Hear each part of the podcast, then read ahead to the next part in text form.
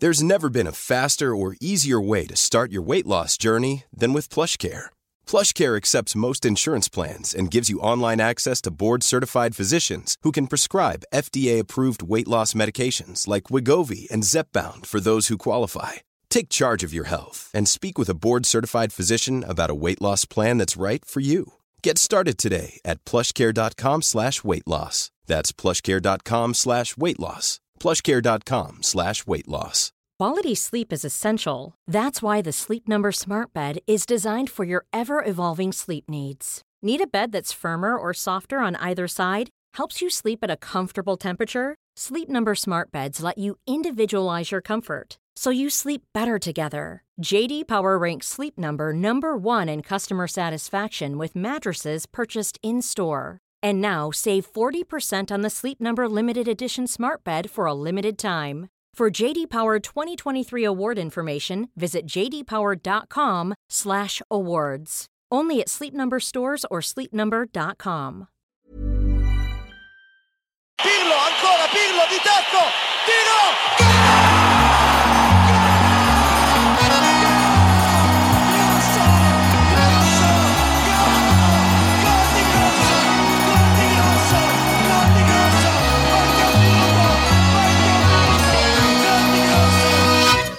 Då är det ett sant nöje att hälsa alla lyssnare varmt välkomna till eh, ett varsamt öppet fönster.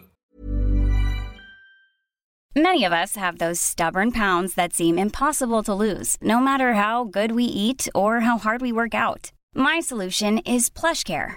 PlushCare is a leading telehealth provider with doctors who are there for you day and night to partner with you in your weight loss journey. They can prescribe FDA-approved weight loss medications like Wagovi and Zepbound for those who qualify.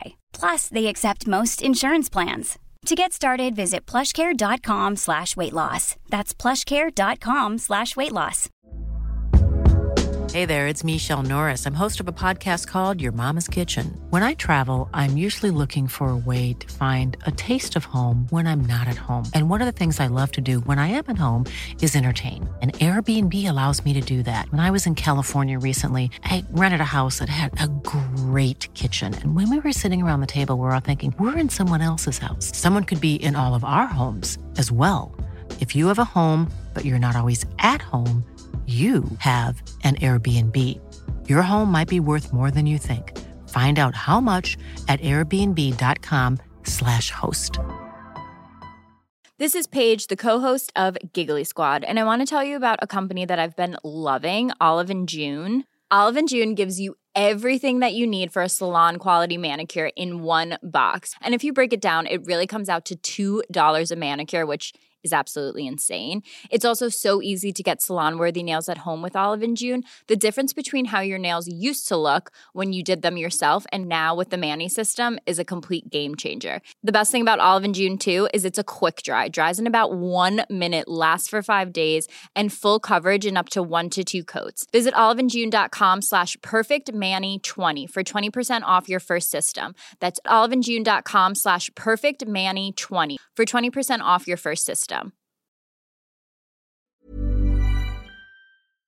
På Hotell Lilla Rådmannen där jag bandar detta specialavsnitt av Calcio Amore eftersom vi ska ta ett så kallat Champions League-grepp. Eh, vi kastar in ett litet eh, kortare extraprogram så här eh, i slutet av denna vecka med anledning av att det ju då var så att Champions League drogs igång i veckan som gick, nämligen med matcher både tisdag och onsdag. Eh, och eh, med tanke på det då så var det ju på det viset att eh, de dessutom har ändrat tiderna för matcherna. Det är klockan 19 numera och klockan 21 tidigare var det ju enbart 20.45 som matcherna började. Men då är det ju den första 19 och för att man ska hinna se den och sen vad man nu behöver koka en extra stark kopp espresso så har de lagt till en kvart där till matcherna drar igång igen klockan 9. Men eh, först ut då med detta nya på alla sätt och vis var ju Tottenham som kom på besök till San Siro Giuseppe Miazza i Milano.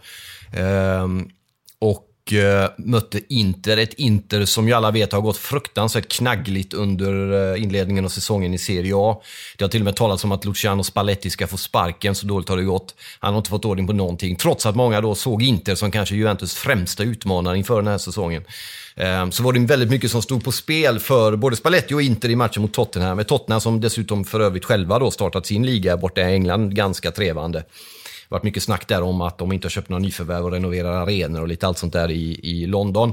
Men eh, får ju ändå då på något sätt betraktas som en slags favorit inför matchen. Eh, men man såg dock direkt redan från start stor skillnad tycker jag på Inter som såg väldigt mycket piggare ut än vad man gjort under den eh, italienska eh, inledningen av säsongen i Serie A. Så eh, eh, man startade bra. Också värt att notera att det var Icardis första match i Champions League någonsin. Bara en sån sak. Eh, det kändes ju som att han hade gjort det innan, men det hade han uppenbarligen inte gjort. Och spelade sin första match för Inter. Tottenham tar ledningen med 1-0 trots att Inter egentligen äger matchen. Eh, och då kände man väl att det här är liksom eh, en klubb som håller på att nystarta, som har varit borta ett tag, som har kommit tillbaks. Man tog ju sig till Champions League också, ska vi ju säga, i absolut sista omgången i, i våras av Serie A. Så att man snubblade sig in i eh, turneringen eh, och får då eh, Tottenham. Jag måste också säga någonting kort om inramningen. Jag vet att det varit lite både delade uppfattningar om den så kallade tifo-verksamheten. Det gäller inte. Jag tyckte att det var lite återhållsamt, eh, kan man väl uttrycka det, men ändå ganska stilrent och snyggt och dessutom då på, eh, vad ska vi säga, grammatisk riktig engelska dessutom, även om det var en kort mening och det är inte alltid att det fungerar i Italien, så det får man ge dem. Eh, men alltid mäktigt med San Siro, som dessutom har varit väldigt välfyllt under hela säsongen så här långt. Det har varit mest Inter som spelat hemma, så att det har ju varit mycket blåsvart. Men det har sett riktigt bra ut tycker jag på Miazza och, och gjorde även så under matchen mot Tottenham.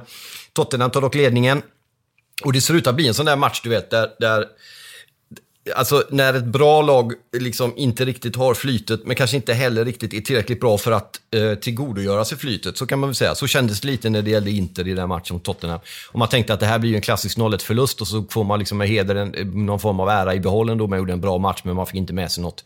Men så i eh, den 86 eller vad det var, precis i slutet av den där matchen så får Icardi sitt läge. Eller rättare sagt, han får inte läget. Han skapar sig läget själv och dundrar in på volley 1-1. Ett fantastiskt vackert mål.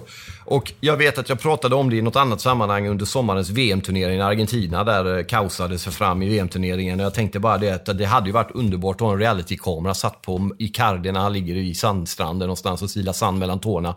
Och lite lätt, utan att det märks, hånflina lite åt att den argentinska förbundskaptenen inte ens plockat ut Icardi, som då hade vunnit skytteligan ihop med Immobile i våras i Serie A. Var inte ens med i Argentinas VM-trupp. Dessutom hade man ju en gubbe som Dybala på bänken större delen av även Iguain. Ja, skitsamma. Eh, men han presenterar sig på ett exemplariskt sätt. Det här är ett, en ännu större scen för honom. Han har ju... Eh, jag tycker att han, hans psyke och hans mentala balans verkar vara av fullständigt astronomiska eh, eh mått och mätt. Den gode Icardi. Eh, komma ihåg då att han var kritiserad även förra säsongen. Dröjde ett tag. Det gick en period där han inte gjorde några mål. Sen började han borta mot, jag kommer inte ihåg vilka det var nu, man började klacka in bollar och gjorde fyra eller något sånt där i någon match där de vann borta stort och sen vände det och så vann han skytteligan ihop med Immobile för Serie A då. Eh, men också det där att leverera på så hög nivå men ändå inte lyckas ta sig till VM då, inte bli uttagen rättare sagt. Eh, eh, och fortsätta, dessutom lagkapten för det här Inter. Och det är många som har ifrågasatt Icardo som lagkapten. Tycker att han är lite för slö, tar för lite för lite defensiva löpningar. Kanske är lite för lite den här ledarfiguren på plan när det går tungt. Men han har ju bevisat att han kan hantera det också. Och nu då tog han ännu ett steg upp på en ännu större scen, nämligen den europeiska och inte vilken som helst den europeiska utan den största av dem alla europeiska scenerna, nämligen Champions League.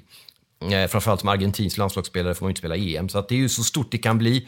Eh, inte gör sin första match där Tottenham kommer på, på besök. Det är hans första match i Champions League och han väljer då, eller väljer, men han gör då det han gör, nämligen dunkar in på volley 1-1 i slutminuterna av den matchen. Och då tänker man, ja, men det är inte så dumt ändå. Men på övertid så kommer Vicino, av alla människor, och fullföljer en hörna eh, där han blir grymt vackert framnickad och har bara att stöta in bollen i bortre delen av eh, målet och gör då 2-1 för Inter. För er som har missat det så finns det en av våra följare på Facebook på Calciamore som filmade hela händelsen när de sitter och kollar på slutminuterna och filmar 2-1 målet. Jag tror många av oss kan känna igen exakt den här närmast aggressiva lättnaden som infinner sig när favoritlaget gör segermål i eh, slutminuterna, och inte bara i slutminuterna, utan på övertid. Så grattis till Inter, ni är väl värda den där segern. Det har varit tufft i början, det har varit mycket patsa. Jag tyckte det var intressant, jag la upp det på Facebook också. Calciamores Facebook-sida att jag tyckte att det var intressant att Gazzetta dello Sport, då Milano-tidningen där, den här flamingovingen under armen som poeten Ragnar Strömberg kallar den. Det ser ut som det när man har den under armen, nämligen den är ju rosa till färgen. Eh, skrev det att det patsar inte, vi behöver visa nu mod. Och det var ju precis vad man fick. Man fick ett galet Inter, men man fick också ett disciplinerat galet Inter som visade just mod. Och som fortsatte, och framförallt så yttrade sig det här modet att man fortsatte våga tro på att det skulle gå ända in i slutet. Trots att man var det bättre laget, hamnade i underläge. Och med tanke på hur det har sett ut för Inter under säsongen då med 0-1 Parma, om inte annat också som en, en eh, en bläckfläck på det blåsvarta pappret så, så kände man att nej, men det här kommer ju inte att gå, det kommer att bli tufft, det kommer inte att funka. Men man fortsatte våga tro på det. Trots att man hade bagage av, eh, av kaoset i början av säsongen med sig så lämpade man den skiten över bord. Och man gjorde det på det bästa sättet, nämligen att överbevisa både alla andra, men framförallt överbevisa sig själv om att det gick. Och det gick och man vann 2-1 Tottenham eh, för Inter i den första Champions League-matchen. Otroligt viktig seger på väldigt många sätt för Inter, inte bara när det gäller det fortsatta framtida gruppspelet i Champions League under hösten här, utan också att eh, eh man kommer att kunna få en mental boost inför eh, fortsättningen av Serie A också. Så grattis Inter, grattis Spalletti, även om ni tar emot så här, det är inte min favoritgubbe. Men det, de förtjänade det, eh, framförallt med tanke på hur matchen såg ut så var man det bättre laget. Så eh, grattis Inter. Den andra matchen under onsdagen där då, förlåt tisdagen var ju då Napoli-Röda Stjärnan. Mycket snack om att Röda Stjärnan är tillbaka i Champions League för första gången någonsin och var med i Europacupen och vann den tror jag i början av 90-talet någon gång, 91 eller något sånt. Men sen dess, sen den gjordes om till Champions League har Röda Stjärnan aldrig någonsin varit med. Nu hade man kvalat in och eh, det märktes på inledningen av matchen tycker jag när det gällde eh, Röda Stjärnan, det såg lite nervöst ut, det såg högtidligt ut och eh, Napoli dominerade. Fick kanske inte riktigt de sista extra kolen på det här snabba anfallsspelet som vi är vana att se i Napoli. Men ni vet, när det kommer de här pausgrejerna, när det är, inte är studiosändningar i pausen, så då visar de ju highlights från första halvlek. och då gör de det om och om igen. Och det kan ju vara lite tröttsamt, möjligen. Men det var fantastiskt kul i det här sammanhanget, för då fick man se Insignes eh, fina skott han hade när han satte den stenhårt, men samtidigt grymt avvägt, preciserat i ribban. Så nära kom Napoli i första halvlek. Men när man såg det där och man såg det om och om igen, så ser man ju vilken otrolig fotbollsspelare han är. Han är ju en, du vet, en kolbit hög, men har ju vader från, som Titanic, du vet. Han är ju alltså så jävla muskulös, stark, liten, men låter då det här tala för honom att bli en del av hans förtjänst, hans litenhet. Men äh, det var helt enastående att få se det om och om igen i snabb följd. Hur han får bollen, tar emot den, Blick, tar, han ser eh, eh, sin lagspelare, tar emot passningen, tittar upp och skjuter i samma, i samma sekvens i stort sett. Och det är en bra bit utanför straffområdet, så han behöver både kraft och precision för att få bollen. Och bollen bara dundrar iväg rakt in i ribban. Och det är svårt sen att avgöra efteråt, var det här ett hårt skott eller var det liksom ett skruvat skott? Det var både och. Det är ingen slump att Insigne är lagkapten för Napoli alltså. Shit vad bra han är när han är bra den gubben. Eh, men det räckte dock inte. Man stångade sig blodet mot den eh, röda muren och det blev 0-0 bara för Napoli. En viss missräkning där. Jag tror att de hade räknat med tre poäng mot Röda Stjärnan. Klart bättre laget, framförallt det första, men lyckades inte då ordna det där. Ehm, så det blev eh, en poäng för Carlo Ancelotti och Napoli. Om vi då sen tar oss till matchen i Spanien. Det var två sådana. Vi börjar med den i Valencia där Cristiano Ronaldo då fick direkt rött kort och om det har det snackats gigantiskt mycket runt om i hela Europa. Jag har kollat på det ur alla vinklar och vrår och jag fattar fan ingenting. Och jag undrar bara, när ska vi kunna få VAR om inte annat för domarnas skull med? Och hur är det möjligt att en jävla klåpare till 50-domare glider in och ska stjäla de här jävla rubrikerna och hamna i någon sorts mediafokus inför miljoner människor runt om i hela världen? Jag fattar det inte. Eh, det kändes fullständigt jävla obegripligt på alla sätt och vis hur man än ser det. Möjligen en tillsägelse, kanske en varning. Eh, det är ändå tidigt in i matchen. Alla förstår vilken typ av, av energier som frigörs hos en kille som Cristiano Ronaldo när han får göra sin första Champions League-match för sin nya klubb. Och dessutom gör det mot en motståndare som han känner och är van vid och har mött under flera år under sin tid i Real Madrid. Domaren väljer att göra den grejen han gör. Han står fast vid det även efteråt har jag läst under dagen idag, som är torsdag när detta bandas. Och jag förstår det fortfarande inte. Det är obegripligt, det är närmast skandalöst och det är bara hoppas nu att man för in det här jävla VAR överallt. In med VAR överallt. Det är naturligtvis en teknologi som inte är från himlen sänd och inte på något sätt är gudsanktionerad. Alltså kommer det göras misstag, men det kommer göras färre misstag. Och VAR är till för att först och främst minimera antalet stora misstag som sker i en match. Och i grund och botten så är VAR en solidaritetsåtgärd i någon mening. Det handlar om att göra sporten så rättvis som möjligt. Det är lite klumpigt, det är lite stökigt, det är ganska nytt och det kommer ta tid innan det sätter sig. Och det finns fortfarande mycket att diskutera och det gör jag gärna. Jag är öppen för att lyssna bara på alla. Jag vet Gusten Dahlin i Toto Balotto där är väl, hatar väl VAR, eller gjorde åtminstone. Och jag förstår, det finns mycket invändningar, men någonstans handlar det om vilken, om vi vill ha fotbollen så rättvis som möjligt, eller om vi vill att orättvisan ska vara en del av villkoren. Och det argumentet kan man faktiskt köpa. Jag, jag, jag förstår det, eller köpa gör jag inte, men jag kan lyssna på det och jag kan begripa det, men jag kan bemöta det också. Jag tycker inte att orättvisa hör till fotbollen, att det ger och tar över säsong jämnar ut sig och sådär. Det är bättre att istället ha ett instrument som VAR som gör att man minimerar riskerna för orättvisor. Det måste ju på något sätt vara i fotbollens tjänst att vi får ner antalet orättvisor. Att det blir som det faktiskt skedde och att inte domaren hittar på något som inte har skett eller såg fel och dömer fel. Om det nu finns hjälpmedel som hjälper domaren att, att eh, handskas med saker som sker på plan så är det väl fan dumt att inte använda sig av den tekniken. Även om tekniken i sig inte är allsmäktig och allmänrådande och, och 100% så är det ändå bättre att sträva efter eh, eh, mesta eh, möjliga eh, rättvisa och det var varje i min värld. Eh, med det sagt då, tio man under stora delar av matchen. Cristiano Ronaldo i tårar ut. Eh, och då bevisar ju Juventus nästan mer än om man hade haft honom kvar. Vilken otroligt stark förening man är. Vilken enorm hunger som finns. Inte minst efter det sätt man åkte ur Champions League förra året, som ni som, som kommer ihåg det såklart, mot Real Madrid. När man var nära att vända den här matchen. Och ytterligare ett märkligt domslut den gången på Benatia. Som gjorde att just Ronaldo för övrigt kunde slå in den straffen mot eh, Juventus och göra att Juventus inte tog det till förlängning i det där dubbelmötet mot Real i semi.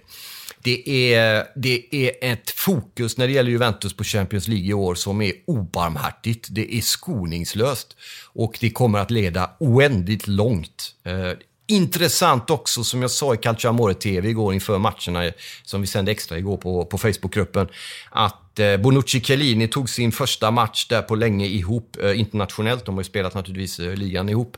Gjorde väl även Italien-Polen, tror jag, om jag inte minns fel. Fan, det är mycket att hålla i huvudet. Men de var inte med på Portugal-Italien. Det var inga Juventus-spelare överhuvudtaget med i den matchen. Eh, Kommer ett flygplan och går ner för landning en bit bort där. Eh, så att eh, intressant att se dem naturligtvis på e-, europeisk toppmark igen och har ju då eh, den förmågan att de spelar med en man mindre i Juventus och det är även såklart backlinjen med men klarar av det och vinner 2-0 Eh, två straffmål av Pjanic och eh, eh, vinner utan eh, Cristiano Ronaldo och med tio man borta mot Valencia med 2-0. Det är så jävla starkt som att man fattar ju knappt hälften av det. Nu är inte Valencia eh, eh, Real Madrid eller Barcelona eller något annat lag, men man är Valencia trots allt. Och just också, man skulle kunna tänka sig att det organisatoriskt och på andra sätt stökades till en del när Ronaldo åkte ut, men Nej, de är grymma Juventus, så det ska bli fantastiskt intressant att följa dem den här säsongen just i Champions League. Eh, de kommer gå hysteriskt långt. Sen hade vi den andra matchen i Spanien, nämligen Real Madrid-Roma. Och eh, om den finns det inte så mycket att säga. Real vinner med 3-0. Jo, det finns en del att säga. Robin Olsen, bäst på plan, enligt mitt tycke och tanke. Eh, fantastiskt bra, räddade 2-3, eh, 3-4 högkvalificerade räddningar varav minst två var eh, direkt avgörande från att hålla siffrorna nere helt enkelt. Han var bäst på plan, i ett Roma som väl såg något bättre ut än vad man gjorde åtminstone hemma mot Kievo. Det var ju klart bättre motstånd nu. Eh, Real Madrid borta. Real som har ett fantastiskt lag trots Ronaldo eh, till Juventus. Och att Zidane inte är där så har man ju alltså, man har ju ett lag. Och det är otroligt imponerande framförallt att se de här spelarna då, som har vunnit Champions League tre år i rad, har vunnit allt eh, i stort sett. Eh, har ju då de senaste fem åren vunnit fyra gånger tror jag. Och det är väl bara Barcelona som har sprang emellan där och vann något år. Annars är det Real Madrid ett halvt decennium. Och de fortsätter att ha hungern. Det är det som är grejen med, det här med Real Madrid. Att man fortsätter att ha hungern. Att det är otroligt duktiga fotbollsspelare från, jag menar, det har inte hänt så mycket sen i maj eller vad det var finalen spelades. Det har inte gått så lång tid. Eh, det har gått ett VM där det har gått så halvknaggligt för Spanien och eh, en del andra lag. Men eh, det är klart att spelarna håller fantastiskt hög kvalitet. Men den mentala inställningen, att man fortsätter att gå ut och leverera och, och, och ser de här turner, den här turneringen och de här matcherna i Champions League som det viktigaste på hela säsongen. För mig är det helt jävla öronbedövande och häpnadsväckande och skoningslöst jävla överbegåvat över hur man jobbar i den föreningen. Med att hela tiden eh, vara, de är ju som ett Juventus fast ännu mer. Det är de matcherna man inte har vunnit betyder mycket, mycket mer än de matcherna man redan har spelat och vunnit. Stor eloge till Real Madrid som då vinner, kör över dem. Bale gör ett fantastiskt 2-0 mål på ett Bale-aktigt sätt. Eh, och han gör det när han dessutom har missat en del. Han kom fri redan efter tre minuter och sköt bollen tätt utanför. Eh, fick chansen sen från sin vänsterkant och dunkade in den i den enda centimetern som Robin Olsen lämnade där, så lång han är. Eh, och satte 2-0 och sen gjorde man 3-0 på, på, i slutminuterna.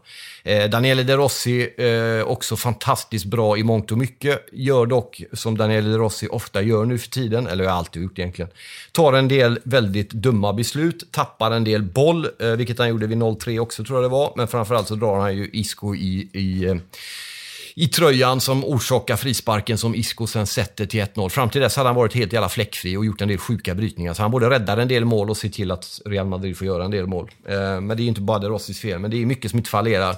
Eller det är mycket som inte funkar och som fallerar, så ska jag säga. Och det gäller framförallt Romas backlinje med Manolas och eh, Kolarov och Florenzi. Och, och eh, det, det, funkar helt enkelt inte. Man har inte fått struktur på det, det går för fort för dem. Och, det ser, eh, och Fazio också, det, det, ser tungt ut. Och det ser, det ser, nu är det Real Madrid, men så här har det ju sett ut mot Kiev och hemma också. Och det har sett ut så under många matcher i ligan för, för Roma. Så att... Eh, eh, jag såg en intervju med Robin Olsen efteråt. Eh, svensk TV gjorde intervju med honom och han ville väl, de ville väl få honom att säga du var ju bra idag. Och det är klart att han var, men det är inte så jävla kul att vara bra när man får stryk med 3-0. Då säger det en hel del om klubben man är i och försvarslinjen i denna klubb. Eh, så att eh, Di Francesco har mycket att jobba på. Eh, det är, ser svajigt ut. Eh, Real Madrid vinner rättvist 3-0 och Roma kommer få det fantastiskt tufft att gå vidare från det här. Jag ska säga det att Plätsen och Eh, Eh, CSKA och Moskva spelar oavgjort idag, eller igår, förlåt, och eh, i, som är de andra två lagen i den gruppen. Så att Roma har fortfarande naturligtvis goda chanser att ta sig vidare. Skitkul att Champions League är igång. Kul att den här podden rullar på. Vi arbetar och krigar och strider för att få in gäster och vi jobbar på med de resurser vi har. Eh, detta var bara en liten kort sammanfattning av Champions Leagues första omgång, där då alltså, vi tar det igen, inte Tottenham, 2-1. Eh, Röda Stjärnan Napoli 0-0 Real Madrid, Roma 3-0 och Valencia, Juventus 0-2. Där har ni de italienska lagen i Champions League. Ska också konstatera att jag samtidigt med dubbelseende igår kunde konstatera att eh, Sampdoria-Fiorentina, matchen som skulle spelats i början av säsongen, eh, men som sköts upp med anledning av bron som rasade igenom, slutade 1-1. Eh, Fiorentina hade ledningen en bra bit innan. Alex Sampdoria kvitterade där, så det blir oavgjort mellan de två lagen där. Så Sampdoria är fortfarande med. Albin Ekdal med i toppen. Och är då de sista tre matcherna har man alltså sju av nio poäng och har, eh, jag tror det är 9-1 i målskillnad. Så Sampdoria blir att räkna med och det blir Fiorentina också som gör ju det bra då borta mot det här eh, laget som hade startat så bra, eh, Sampdoria. Så är det med den saken. tack för att ni är med oss. Jag vill tacka svenska fans för att vi får vara på deras plattform och för att ni är så jävla grymma att jobba med. Tack till Anton Avernäs som är fantastisk på att sköta teknik och allting. Tack till Oddsbaren som är stora drömmare med vackra hjärtan som vågade tro på det här och fortsätter våga tro på det och där vi även kunde, kan konstatera att jag har ett antal skrivna kröniker varje vecka. Det är jag glad för att få ha där. Eh, stort tack till eh, Patrik som eh, sköter all grafik. Och tack till Hotell Lilla Rådmannen och Freys Hotel för att ni sponsrar. Och även tack till Betfair som ni har hört har gått in nu och Eh, Eh, är en del av Calciamore och tvärtom under hela hösten här. Och det kommer att vara fokus på Champions League just, så det är bra att vi drar igång med Champions League-avsnitt. Ni hörde i början av det här programmet vad det handlade om. Tack framförallt till dig som lyssnar och till dig som följer oss på Facebook. Eh, tack för att ni finns. Vi fortsätter göra det tillsammans. Var rädda om er så hörs vi bara om någon, någon dag igen med ett nytt avsnitt av Calciamore. Okej? Okay? Tack så länge. Arrivederci. Un sogno che ho è coro sale a sognare sei giù dalla notte 90 minuti per segnare. Nerazzurri noi saremo qui nerazzurri pazzi come te nerazzurri lo fateci soffrire ma va bene vinceremo insieme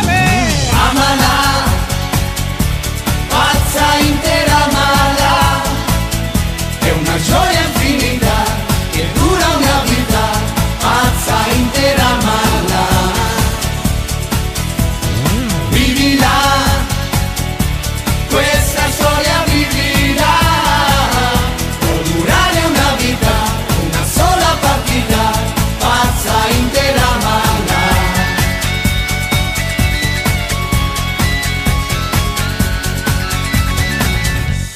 E continuerò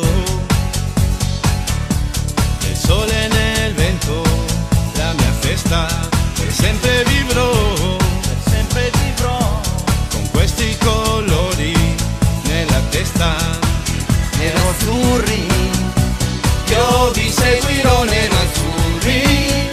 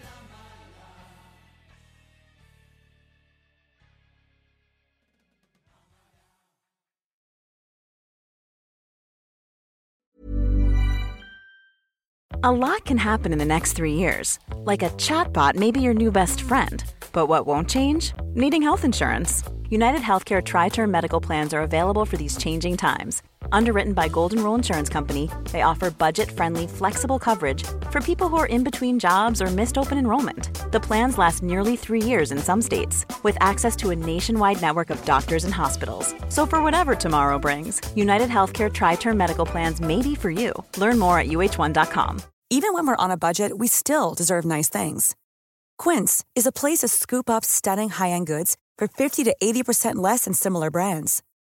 They have buttery soft cashmere sweaters starting at $50, luxurious Italian leather bags, and so much more. Plus, Quince only works with factories that use safe, ethical, and responsible manufacturing. Get the high-end goods you'll love without the high price tag with Quince. Go to quince.com slash style for free shipping and 365 day returns.